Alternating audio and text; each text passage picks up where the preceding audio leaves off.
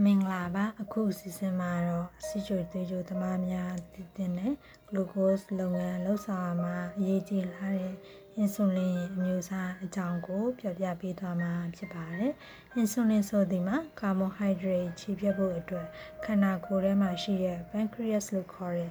အစိတ်ပိုင်းကနေထုတ်လုပ်ပေးတဲ့ဟော်မုန်းအမျိုးအစားတစ်မျိုးပဲဖြစ်ပါတယ်။ခန္ဓာကိုယ်ထဲကနေ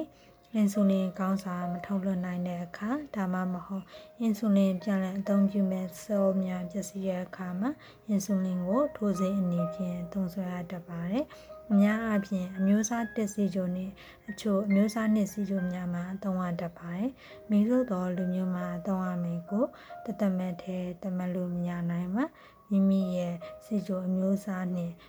ဖြစ်ရတဲ့အကြောင်းရင်းပေါ်မူတည်ပြီးတော့ဆရာဝန်များကသုံးဆွဲတဲ့မတင်ကိုဆုံးဖြတ်ပြီးမှဖြစ်ပါတယ်။စီချိုသွေးကြုံများအသုံးပြုရမယ်။ အင်ဆူလင်အမျိုးအစားဟာခန္ဓာကိုယ်ထဲမှာအင်ဆူလင်ပြန်လည်အသုံးပြုတဲ့ကြာချိန်ပေါ်မူတည်ပြီးတော့အမျိုးအစားများစွာရှိပါတယ်။ထိုနည်းတူ